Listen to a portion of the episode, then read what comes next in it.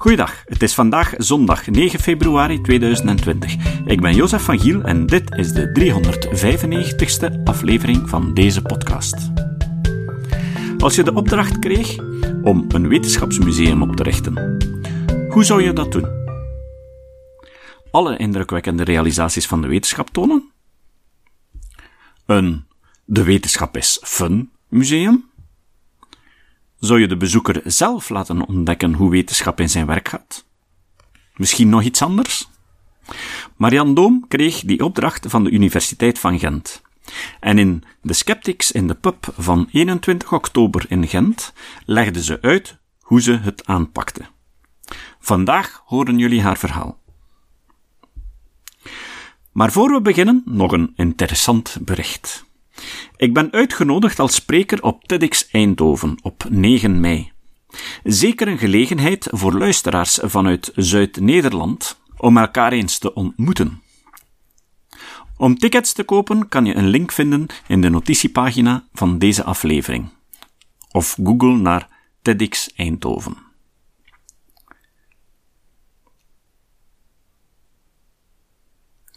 Het Wetenschapsmuseum van de Universiteit Gent. Uh, goedenavond allemaal, welkom op deze tweede Skeptics in de Pub van dit najaar. Het is er vroeger nog een eens geweest. Wat is dat Skeptics in de Pub? Wel, daar komen we samen een aantal mensen kritisch nadenken, bespreken over een onderwerp. Uh, we luisteren maar eerst een, uh, ja, zolang u deze ding duurt, een half uur, veertien minuten duurt hier. en dan kunnen we daar nadien allerhande dus er even een korte pauze en kunnen we daar vragen over stellen.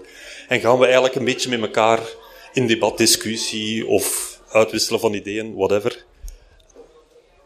Skeptics in de Pub wordt georganiseerd door HUO, de Humanistische Jongeren, samen met SCEP, de studiekring voor kritische evaluatie van pseudowetenschap en het paranormale. Ik ben zelf lid, dus ik moet het echt wel kennen. Skep is er ook uh, aanwezig dankzij Paul en ja, een aantal leden. En we hebben hier ook een aantal mooie tijdschriften liggen die u gratis mag meepakken als u eens er eentje wil lezen en zien over welke zaken dat Skep zoal schrijft. Nu, dan uh, rest mij enkel nog om uh, de spreker aan te kondigen. Ik heb daarvoor een speakbrief. de spreker is niemand minder dan Marianne Dooms. Zij is dokter in de diergeneeskunde en in die hoedanigheid snijdt zij alles een beest open meestal dode dieren, denk ik. Dat kan alles een walvis zijn. En als die walvis is helemaal opgesneden, dan zit hem een heel groot karkas en dan hangt ze dat op in het Sint-Baafs. En dan doet ze daar een activiteit rond, nodigt ze een bekende dichter uit. Ik dacht Peter Verhelst. Voilà. En dan krijg je eigenlijk een activiteit die de dialoog aangaat tussen wetenschap en kunst. Hier nu Waar is ze nu mee bezig? Nu houdt ze zich vooral in stilte bezig met het GUM, dat is het Gens Universiteitsmuseum. En dat lijkt een ander soort museum te worden dan de meeste wetenschappelijke musea dat we kennen. Of toch wat ik ervan lees. We kennen allemaal uh, heel plezante, zoals Technopolis. We kennen er heel klassieke, zoals in Brussel het Natuurkundig Museum. We kennen China hier uh, in Gent en zo verder. Maar hier uh, ligt ambitie toch blijkbaar een beetje anders. En is hier eigenlijk een beetje de vraag, als ik het goed zeg, maar dat komt zelfs duidelijk beter aan bod. Hoe bouw je eigenlijk een goed wetenschapsmuseum en hoe breng je die boodschap goed over? Hoe dat eigenlijk wetenschap in elkaar zit. Het wetenschappelijk proces, de twijfel, het zoeken en al wat erbij hoort. Ik hoop dat ik het juist gezegd heb en als dat niet zo is, dan gaat uh, Marianne dat helemaal voor mij verbeteren nu. Dus uh, rest mij nog te vragen, de onverdeelde aandacht even voor Marianne en ook even de handjes op elkaar en dan kan zij starten. Dank u wel.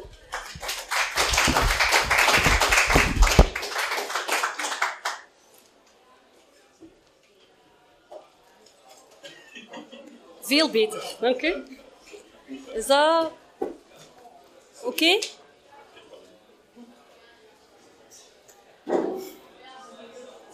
Het is gelijk een ondervraging of zo. Um, ja, ik ga het hebben over het Museum van de Twijfel, het Gent Universiteitsmuseum. En eigenlijk zijn jullie een beetje mijn test. Ik ben volop uh, in de voorbereiding van het openen van het Gent Universiteitsmuseum in, in maart 2020. En eigenlijk ben ik nu bezig aan het uh, neerschrijven wat voor mij een wetenschapsmuseum moet zijn. Ik heb de voorbije jaren een aantal experimenten daar rond gedaan. Over uh, ja, hoe breng je eigenlijk wetenschap naar een publiek, maar dan specifiek de communicatie van wetenschap in een museale of tentoonstellingscontext. Ja? ja? En ik was eigenlijk, ik ben bezig met het neerschrijven van een soort manifest daar rond, wat voor mij daar zeker in moet aanwezig zijn. En eigenlijk is dit een soort stand van zaken die ik met jullie wil delen. Het is een eerste experiment, dus ik ben benieuwd naar jullie commentaar en kritiek. Er is nog ruimte om het eh, bij te stellen, altijd eigenlijk.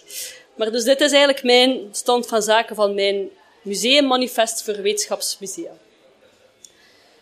Zoals daarnet aangekondigd, ik weet niet of jullie allemaal hebben gezien, maar in 2017 hing een groot vinvisskelet van een gewone vinvis op in de Sint-Baafskathedraal. En die hing daarop inderdaad begeleid door een gedicht van Peter Verhaalst, waar Peter eigenlijk met mij in dialoog ging rond het ontmoeten van een walvis. En voor Peter was dat dan eigenlijk een metafoor voor de zoektocht van de, of het verlangen van de mens naar het grootste, de confrontatie met het grootste, dat, dat nooit stoppend verlangen naar het onbekende. En mijn weerwoord daartegen was dan meer het heel objectief beschrijven van een walvis en wat een walvis met je doet als mens. Die ging dan op in een religieuze context, de kathedraal. Dus eigenlijk had je al een aantal tegenstellingen, de religieuze context met wetenschap en dan daar nog eens een dialoog kunst. En er ging ook geen naambordje bij. Dit is eh, een gewone vinvis. Dit is het forageergebied van de gewone vinvis. Dit is een mannetje. Dit is zo oud. Dit zijn de autopsiebevindingen. Dus eigenlijk ging er heel weinig wetenschappelijke context bij. En eigenlijk was dat voor mij al een experiment, al vrij na een aantal jaar exploreren. Hoe kan je wetenschap communiceren? En voor mij die, dat experiment van Leo in de kathedraal vrij geslaagd. En ik hoop dat ik jullie straks kan duiden waarom. Eerst en vooral, ik had Leo mee helpen autopsiëren, hoe zeg je dat? Een autopsie doen op Leo in de haven van Gent in 2016. Dat was niet mijn eerste autopsie op grote walvisachten. Ik had er wel al een aantal op mijn konto. Maar wat dat voor mij als mens bij zo'n autopsie van uh, zo'n groot dier toch altijd terugkomt, is de confrontatie met daar op het strand staan of op de kade staan en dat groot dier dat voor je ligt. En het soort onwezenlijk gevoel, het soort gevoel van onmacht ook. En uw neiging om heel snel te willen een diagnose stellen. Omdat het bijna aanvoelt als een onrecht en je wilt eigenlijk heel snel antwoorden bieden aan de mensen die rondom jou heen staan. Die, als er een micro onder je neus geschoven wordt, wordt er heel vaak gezegd, ja, het, zijn, uh, het is waarschijnlijk weer een sonar-oefening geweest of uh, klimaat. Uh, dus de, de, de, oorzakelijke verbanden voor dat stranden, die vliegen nu al heel snel om de oren. En eigenlijk moet je als wetenschapper op dat moment heel vaak of altijd antwoorden, we weten nog niks. De kans dat we iets gaan weten of dat we een doodsoorzaak vinden is heel klein. In 99% van de gevallen weten we het gewoon nooit. En dan ga je in een soort objectieve modus. Zo. Het uh, vaststellen van uh, welke data kan ik hier verzamelen en welke hypothese van doodsoorzaak kan ik hier uithalen na zoveel maand. Maar dat proberen communiceren en proberen communiceren ook aan een publiek die daar staat, dat dat ook voor u als wetenschapper, die onder de indruk is van wat er aan het gebeuren is, dat dat geen evident iets is. En dat eigenlijk op dat moment, als mens op strand, die, dat, die wetenschappelijke methodiek eigenlijk uw toolbox is om op dat moment te proberen om uh, tot objectieve kenniscreatie te komen. Daar komt het eigenlijk op neer voor mij. Dat zijn een aantal dingen die voor mij eerder met ervaring te maken hebben, uw ervaring als wetenschapper, en die ik op een of andere manier ook wou delen met een publiek in een tentoonstellingscontext, eerder dan ja, echt de pure wetenschappelijke data van walvissen, walvisachtigen, waar komen ze vandaan, uh, dat soort dingen. Dus het gaat voor mij over het delen van ervaring. Die oefening van Leo, die kwam er eigenlijk na een beslissing van de Universiteit Gent om haar academische collecties, die heel rijk is. We hebben uh, op de universiteit meer dan uh, eh, 400.000 objecten uit heel diverse disciplines. En de universiteit heeft een tiental jaar geleden echt de beslissing genomen, bon, wij gaan daarin investeren in die collecties, we gaan die bewaren en we gaan een museum oprichten om die collecties te ontsluiten voor een publiek. Dat museum komt er dus in 2020 in uh, de Ledegang op de campus van de faculteit Wetenschappen aan de plantentuin. En dus tien jaar geleden werd ons de vraag gesteld als mensen die met collecties bezig waren, als wetenschappers, onderzoekers. Er komt een museum en nu wat gaat het erin steken? Wat voor museum willen jullie bouwen? Welk verhaal willen jullie vertellen? Dus, dus eigenlijk waren we al een tiental jaar bezig na te denken over als we nu een museum van de universiteit moeten oprichten, mogen oprichten, wat gaan we daar vertellen? Gaan we de geschiedenis van een universiteit of van een kennisinstelling vertellen? Gaan we een wetenschapsmuseum brengen zoals we al zoveel kennen? Uh, de Technopolissen, maar de Technopolis is, geen museum, is niet collectiegebaseerd. Dus ik zal maar zeggen, laten we uh, de kaart voor Science is Fun trekken. Dat was ook een optie. Of gaan we vooral inzetten op het, uh, het, communiceren van de harde wetenschappen, dus de natuurhistorische collecties, waar we evolutie leerduiden enzovoort. Dat waren allemaal opties die op tafel lagen. Als jullie Leo in de kathedraal zien, dan weten jullie dat we een andere weg hebben ingeslaan.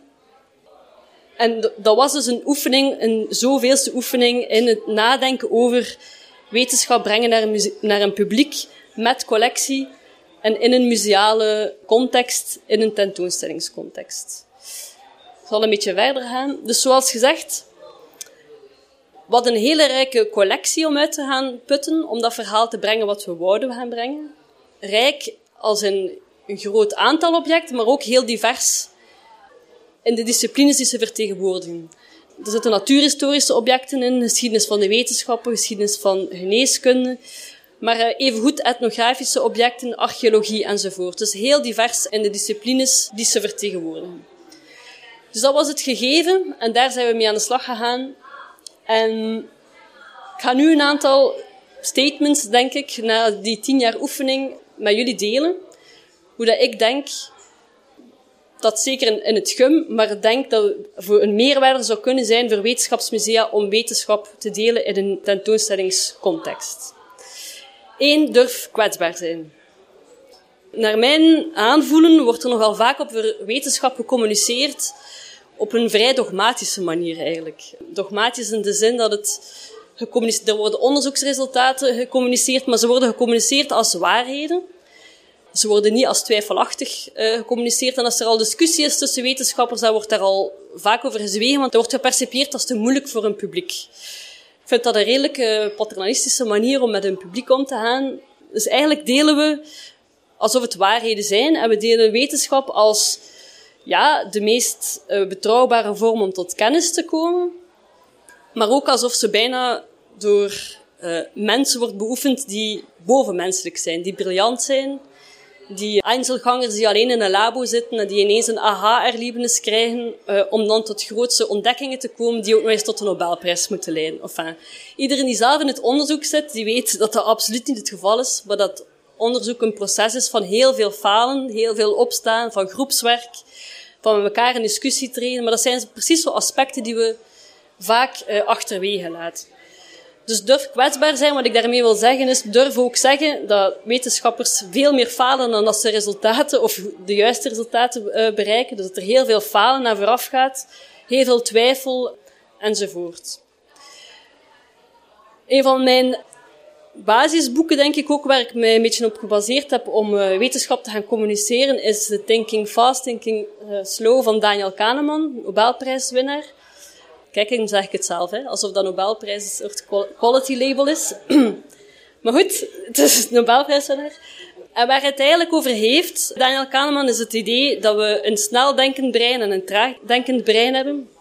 En het sneldenkend brein is ons intuïtief brein, dat heel snel de causale verbanden ziet. Er spoelde walvis aan, de dag ervoor heeft het doel stilgelegen, ah ja, er zal wel iets, zal wel een connectie zijn, een causaal verband. Dus dat is ons intuïtief brein. En dan heb je een traagdenkend brein dat net heel rationeel gaat nadenken. En waar wetenschap vaak aan te pas komt. Hè, waar wetenschap juist die tools biedt om op een tragere manier aan kennis te creëren, maar die veel betrouwbaarder is dan dat snel intuïtief brein. En de meeste mensen, ook inclusief mezelf, als ik begin te lezen in dat boek, dan denk ik, ja, mijn intuïtief brein, ik gebruik dat bijna nooit. Ik ben altijd rationeel. Maar hij contesteert dat dan met een aantal voorbeelden, waardoor je heel snel tot het besef komt dat nee, in de meeste gevallen gaat jouw intuïtief brein eigenlijk dominant zijn tegenover jouw traagdenkend brein. Als je het traagdenkend brein wil aanspreken, dan moet je dat heel actief en bewust uh, gaan doen.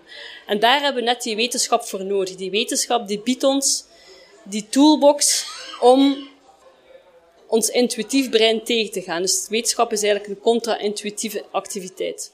Maar durf kwetsbaar zijn, wat ik daarmee wil zeggen, is dus durven toegeven dat je als mens faalbaar bent, dat je intuïtief denkt, dat je daarin fouten maakt. En als je tot objectieve kennis wilt komen, dat je die wetenschap nodig hebt, maar ook als onderzoeker blijf je een mens die heel vaak net in die val trapt van het intuïtief denken. Maar durf dat dan ook delen met een publiek. Durf ook de fouten delen die gemaakt zijn door wetenschappers. Dat is vaak veel interessanter dan de succesverhalen. Dat zijn een aantal objecten die in onze permanente opstelling komen. Daar bovenaan zien jullie een hoed de craniometer eh, genoemd. Dat is eigenlijk eh, iets dat gemaakt is door een hoedemaker. Uh, om de vorm van het hoofd te bepalen. Maar dat was natuurlijk een wetenschapper die dacht, ja, dat is interessant, daar kunnen we misschien ook wel de knobbels op de schedel mee meten. Uiteraard in de trend van de frenologie. Nu, hij heeft heel veel metingen gedaan, er is nooit iets bewezen of dat er een link is tussen bepaalde knobbels en bepaalde talenten. Maar goed, hij zit in de collectie van eh, de Universiteit Gent, dus hij is wel ooit ingezet in onderzoek. Ja. Maar durf dat dan ook tonen en durf zeggen dat we daarin fout zijn geweest. De craniometer. De vreemde worm is ook een interessante, vind ik. Deze, dat is een hectocotylus-arm van een octopus. Octopussen, als ze paren, steekt het mannetje eigenlijk één arm met uh, spermatozoïden in de mantelholte bij de vrouwtjes. En dat vrouwtje wordt achteraf soms wel eens agressief. En dan moet het mannetje kunnen vluchten en dan blijft die hectocotylus-arm in de mantelholte achter. Nu, ja, ondertussen weten we dat, maar zoveel jaar geleden, als de eerste octopussen werden opengesneden, dan werd die hectocotylus-arm eigenlijk aanzien als een parasiet. Dus uh, de eerste biologen, wetenschappers, die deze armworm terugvonden in de mantelholte, hebben hem beschreven als een parasiet. En dat verhaal heeft hij ook heel lang, of dat verhaal, die bevinding is heel lang overeind gebleven als hypothese dat dat een parasiet was in de mantelholte van vrouwtjes. Vandaag weten we dus dat dat niet zo is. Maar dus, kennis kan bijgesteld worden, moet veranderen, moet steeds gecontesteerd kunnen worden. En wetenschappers hebben nogal de neiging, bij allemaal als mens, om alles te gaan klassificeren, alles te gaan indelen in hokjes. Dat is nodig. Dat is een stuk van de methodiek. Deze klassificatie gaat trouwens over het voorkomen van bepaalde insecten op het lichaam van ontbindende lichamen, om daar een uh, tijdstip van doods, een doodstijdstip uh, op te bepalen.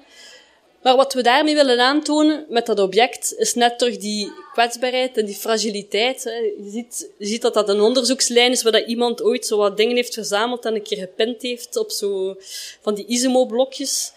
En dat dat ook heel gemakkelijk te herversteken is. En dat dat wel een keer verandert in de tijd en dat dat misschien wel hier klopt, maar als je dit systeem gebruikt in een andere setting, in Amerika bijvoorbeeld, klopt dat al niet meer, want dat is een andere klimatologische omstandigheden enzovoort. Dus het fragiele en het tijdelijke van klassificatiesystemen en de tools die wetenschappers gebruiken om mee aan de slag te gaan, die zijn helemaal niet zo vast um, als dat we soms durven of willen uh, communiceren naar uh, een publiek. Dus klassificatie, ja, maar ze heeft uh, haar context nodig en beperkingen in tijd en uh, toepassing. Die wassen modellenreeks bijvoorbeeld, die jullie zien, dat is de, de embryonale ontwikkeling van het geslachtsstelsel. Ook daar, we hebben verschillende methoden om te gaan klassificeren in man, vrouw enzovoort, maar dat wil nog niet zeggen dat we daarmee mensen gaan kunnen klassificeren. Dus elke klassificatiemethode heeft in wetenschappelijk onderzoek zijn nut, maar alleen binnen die context en is veranderlijk in tijd. Dus dat fragiele, het kwetsbaar zijn, het durven in vraag stellen van bepaalde systemen, het is dat, dat denk ik dat we moeten communiceren eerder dan de resultaten van wetenschappelijk onderzoek. Geef geen antwoorden, maar evoceer vragen. Ook daar, ik heb een voorbeeldje genomen van zo een van die andere wetenschapsmusea. Dit is het uh, cabine. Dat is nu echt een voorbeeld zoals de, eigenlijk alle natuurhistorische musea, uh, naar mijn mening, communiceren. Ja, eigenlijk tonen ze de resultaten van het onderzoek. En als je de tekst eronder leest, staat er ook nergens in vermeld. Dit is een theorie, die is onderbouwd door hypotheses. En dit is hoe waar we op dit moment staan.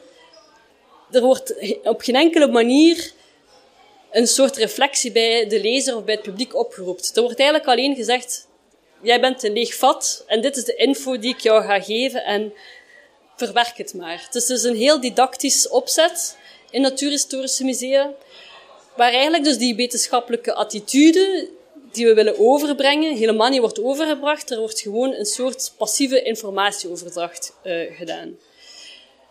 Dat heeft zijn voordelen, maar dat heeft vooral, denk ik, naar mijn mening, het nadeel dat mensen, dat, dat soort informatie weinig of niet blijft hangen bij mensen.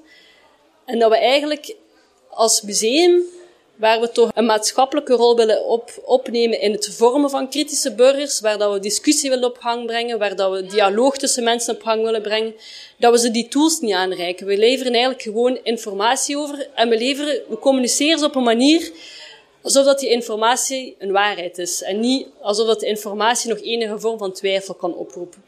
Wat naar mijn mening fout is. In die zin kijk ik vaak naar kunstmusea en ik vind het interessante aan een kunstmuseum en hoe dat kunstenaars communiceren, is dat kunstenaars je vaak meenemen net in een proces, in een denkproces. Ze communiceren geen resultaat, maar ze communiceren je op een bepaald moment in eh, of ze trachten vaak een reflectie op te roepen over een bepaald proces. En het tentoonstellen van kunst en het tentoonstellen van wetenschap wordt vaak als twee heel aparte domeinen gezien, terwijl ik het net interessant vind om die twee samen te brengen.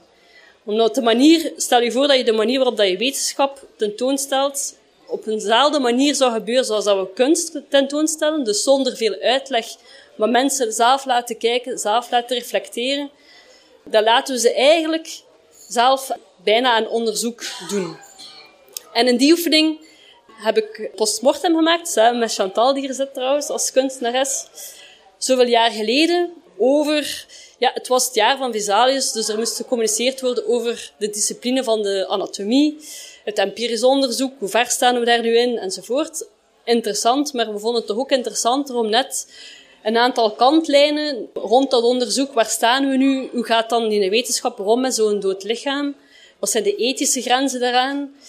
Wat moet die wetenschapper doen om objectieve data te verzamelen, maar toch met een soort respect naar die persoon die daar ligt? Hoe ver kan je daarin gaan? Dat soort reflecties oproepen, vind ik, daar zijn we in geslaagd, net door de kunstenaars bij te betrekken en niet zuiver de wetenschappelijke output rond anatomie uh, te gaan tentoonstellen.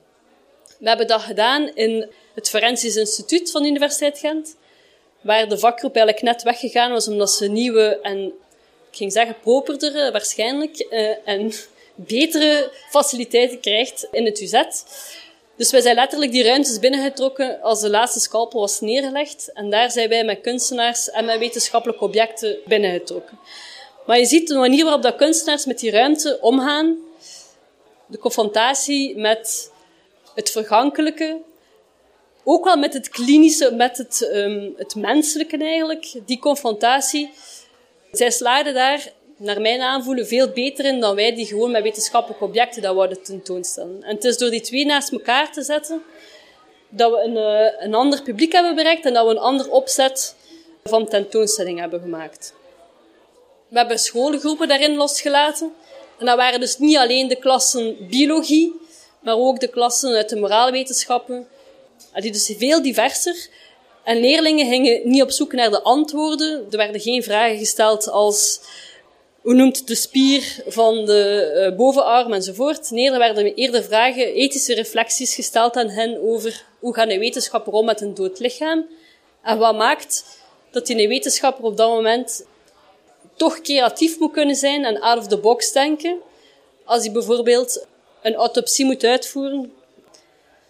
Dus hoe komt het dat die wetenschapper toch creatief en out of the box moet denken en tegelijkertijd objectief blijven? Dat hij toch mens kan zijn en toch wetenschapper en klinisch moet te werk gaan? Dat soort confrontaties en tegenstellingen, daar hebben die leerlingen en de bezoeker mee geconfronteerd. Wat dus een helemaal ander opzet is als het eerste beeld wat ik jullie toonde van het Natuurhistorisch uh, Museum.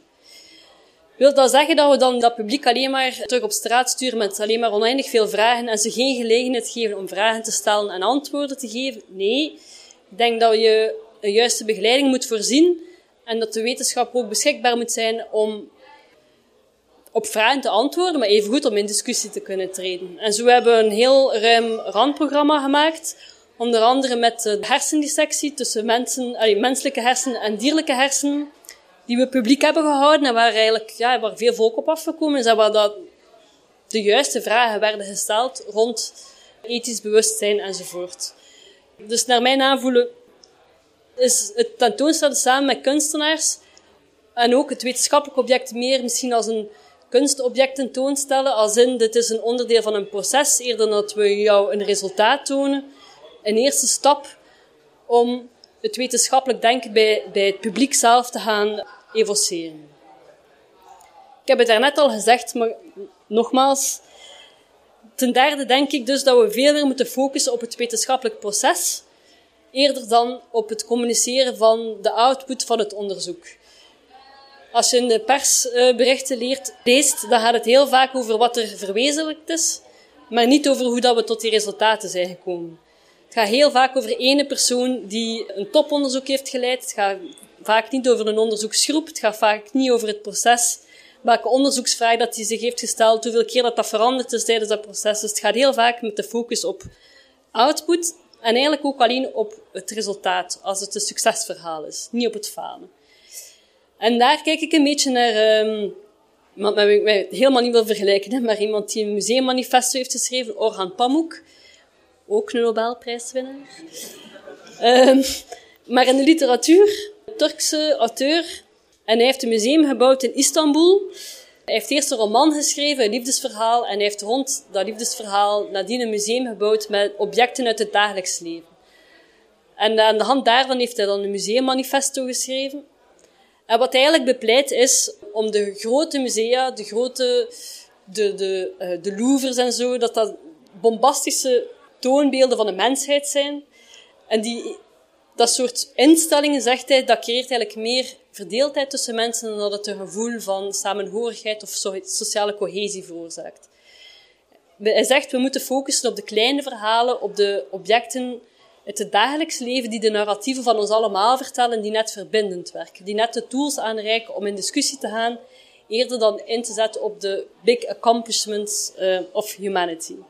Dat is eigenlijk basically wat hij zegt. Hij bepleit uiteraard heel sterk, of hij pleit heel sterk tegen de nationalistische musea. Het is niet voor niks dat hij uit Turkije komt. Zoveel, dat is zoveel jaar eerder geschreven. Hè. Toen was er nog geen sprake van de huidige Turkse leiders. Maar als je dat als voorbeeld neemt en dat eigenlijk overschakelt naar wetenschapsmusea, dan kan je dat heel makkelijk doortrekken. Dit is nu, ik heb het daarnet nog genomen, een screenshot van het Science Museum in Londen. En als je gewoon al kijkt wat er gecommuniceerd wordt, hè, Discover, Award-winning, iconic, uh, incredible scientific achievement. Het gaat alleen maar over succes, succes, succes. En het maakt van die wetenschapper als een, een ontoegankelijk, ontoereikend en het geeft zeker geen verbindend gevoel naar een publiek toe. Dus volgens mij is dat niet de way to go als we over wetenschap willen gaan communiceren. Het creëert eerder afstand dan iets anders. Focus op het proces. Bijvoorbeeld, dit is de Van Leeuwenhoek-microscoop die we tonen in onze permanente opstelling. Dat is de allereerste microscoop gemaakt door een mens. Ja. De, eigenlijk iemand die een lens heeft kunnen maken, Van Leeuwenhoek dus. En in de meeste wetenschapsmusea wordt dit dus ook als een big accomplishment van humanity getoond, waar we ineens zoveel wetenschappelijke vooruitgang hebben gemaakt. Dat is waar. Maar wat ik interessanter vind, is het proces van die mens tonen. Die mens was eigenlijk een lakenhandelaar die wou kijken hoe, hoe dat het zat met de draadtikte van de stoffen. En daartoe heeft hij lenzen gaan ontwikkelen. Maar wat ik interessanter vind is, stel je voor dat je voor de allereerste keer door zo'n lens kijkt en dat er ineens een wereld uitvergroot wordt. En dat je dus ineens bepaalde dingen gaat gaan zien die nog niemand ooit ervoor heeft gezien. Die je dus zelf moet gaan interpreteren, waardoor dat, waar dat je geen houvast hebt. En wat zou dat met u doen? En hij heeft dus zijn, hij heeft van alles onder die microscoop beginnen leggen. Hij heeft dat getekend, hij heeft dat gedeeld met de Royal Society in Londen. En als je dat probeert in te beelden, wat jij dan daar allemaal zou gaan onderleggen, dat is toch fascinerend. Hij heeft dat ook gedaan. Je ziet bijna het kinderlijke zo, ik ga dat onderleggen, ik ga dat onderleggen. En dus zo ook spermatozoïden van verschillende diersoorten. Geen idee hoe dat hij eraan geraakt is. Maar het gaat dus een expansie zo, wat hij er allemaal onder legt. En dan de interpretatie van wat dat je ziet. En zoveel eeuwen later is er iemand, Hartsukker, die ook onder zo'n microscoop kijkt en die dat begint te interpreteren wat dat hij ziet. Dus de eerste hypothese dat die spermatozoïde, dat dat niet een mannelijke zaadcel is, maar dat er eigenlijk al een klein mensje in die zaadcel zit. En dat die zwemt naar de vrouw die eigenlijk alleen maar ontvankelijk is. Maar wat ik hiermee wil zeggen is, is denk ik, om te delen met een publiek die menselijke zoektocht, dat iets zien, niet weet wat het is, daar een bepaalde hypothese aan koppelen, die interpretatie daarvan, dat, dat kinderlijke uh, vreugde om iets te ontdekken. Enfin, heel dat proces vind ik veel interessanter dan alleen maar de big accomplishment van de mens te gaan schetsen. Dus hoe dat wij met die objecten omgaan, is eigenlijk veel meer metaforisch, bijna, dan alleen maar een historische context geven van dat wetenschappelijk instrumentarium. Juxtapositie of tegenstellingen is altijd een interessant iets om uh, mee aan de slag te gaan als curator. Het verrassingseffect door twee dingen naast elkaar te plaatsen die helemaal niet bij elkaar horen, die kan een soort reflectiemoment bij een publiek opwekken. Dus wat, eh, dat heb ik daarnet gezegd, we hebben een heel diverse collectie aan de Universiteit Gent, met heel diverse disciplines die ze vertegenwoordigen. En klassiek in een wetenschapsmuseum heb je een ruimte archeologie en een ruimte natuurwetenschap en een ruimte dit. Wat wij doen is die objecten net naast elkaar gaan zetten. Dus net die juxtapositie, die frictie gaan opzoeken om al bij die bezoeker een bepaalde reflectie, een bepaald gevoel van verwondering teweeg te brengen. Je kan dat dus doen tussen die wetenschappelijke disciplines, maar ook door er dan weer kunst en kunstobjecten naast te plaatsen, veroorzaak je dat net ook weer. Dat moment dat, dat een publiek moet nemen dan, om te proberen interpreteren wat je ziet, om zelf te gaan waarnemen, dat is net, denk ik, die tijd die nodig is om uit te leggen wat dat een wetenschappelijke attitude is. Wat een helemaal andere insteek is als jij bent een passief vat en ik ga hier de uh, informatie in overgieten. Dus dat is eigenlijk, denk ik dat door die disciplines naast elkaar te zetten, door daar ook kunst bij te betrekken, dat je je bezoeker veel meer activeert om zelf te gaan nadenken, kritisch nadenken, eerder dan die te benaderen als een passief recipiënt. Vergeet ook vooral de poëzie en de schoonheid niet. Want wetenschap is ook gewoon schoon en die objecten zijn ook gewoon esthetisch aantrekkelijk. Toon ze ook als esthetisch aantrekkelijke objecten en respecteer ze als je ze tentoonstelt voor die esthetiek. Die verwondering oproepen met die objecten is heus wel mogelijk. En dat is iets wat ik heel vaak mis in wetenschapsmusea of in natuurhistorische musea. En dan zeker in Technopolis. Maar dat is echt oude categorie. Er zit veel schoonheid op plekken waar je het niet verwacht. En deel dat ook. We zijn geprivilegeerd als wetenschappers om ze te zien, maar deel ze dan met een publiek. Samengevat na al die oefeningen zijn we tot een museum gekomen waar dit de kernboodschap is. Dit is eigenlijk de missie die we willen meegeven, de mission statement aan ons publiek. En dat is één, wetenschap is een menselijke activiteit. We zijn allemaal menselijke wezens die eigenlijk in de eerste plaats intuïtief denken en die wetenschap als een tool nodig hebben om niet in de valkuilen van de ratio te stappen. En wetenschap denken is ook durven denken, durven out of the box denken, durven creatief zijn. Als wetenschapper mag je geen rigide geest hebben, maar net een flexibele geest. En het is een dynamisch concept, het is veranderlijk in de tijd. Het staat in een samenleving, niet buiten een samenleving, maar er is een constante dialoog met wat er rond die kennisinstellingen gebeurt. En het verandert mee met de tijd.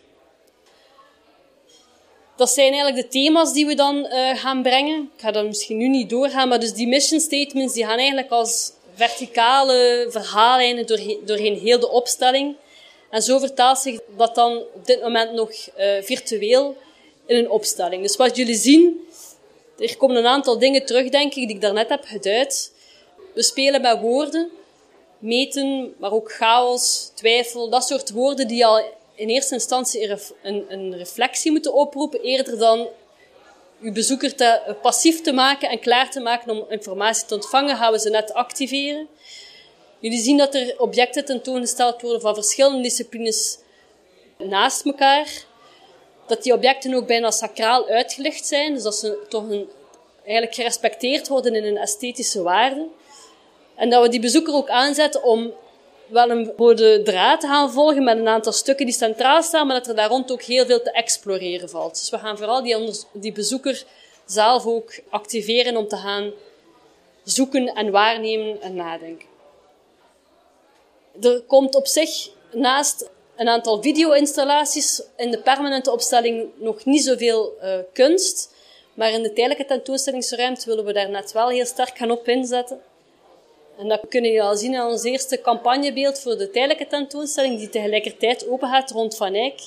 En dit zijn het soort beelden waar we mee willen gaan spelen. Beelden die zo een soort huh, oproepen, dat is net de bedoeling. Zo, je weet al wat je ziet, maar ook niet helemaal. Er zit iets analytisch in, maar ook iets artistiek. Dus dat soort beelden waarmee dat we mensen willen triggeren en aanzetten tot kritisch denken. Dat is eigenlijk wat je van ons mag verwachten. Voilà.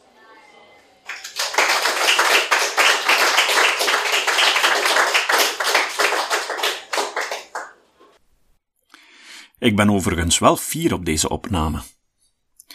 Ze gebeurde in hetzelfde lokaal als de opname van Joris Meis en het was er even lawaaierig.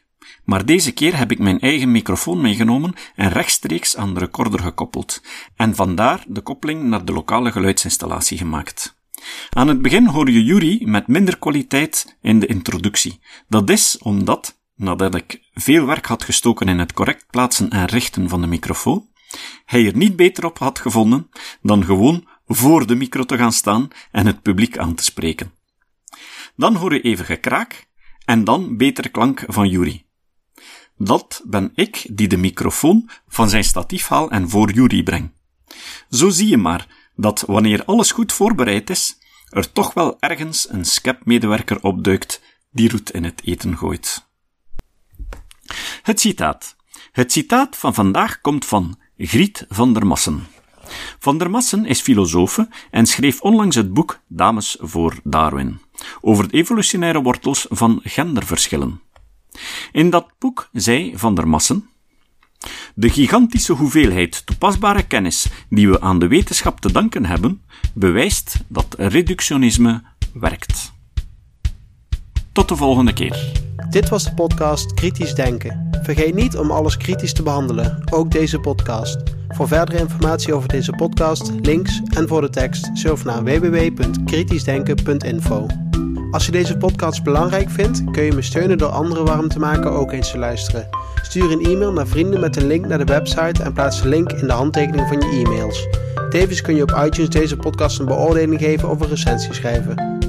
Of je kan op je eigen website of blog een link naar kritisch denken plaatsen.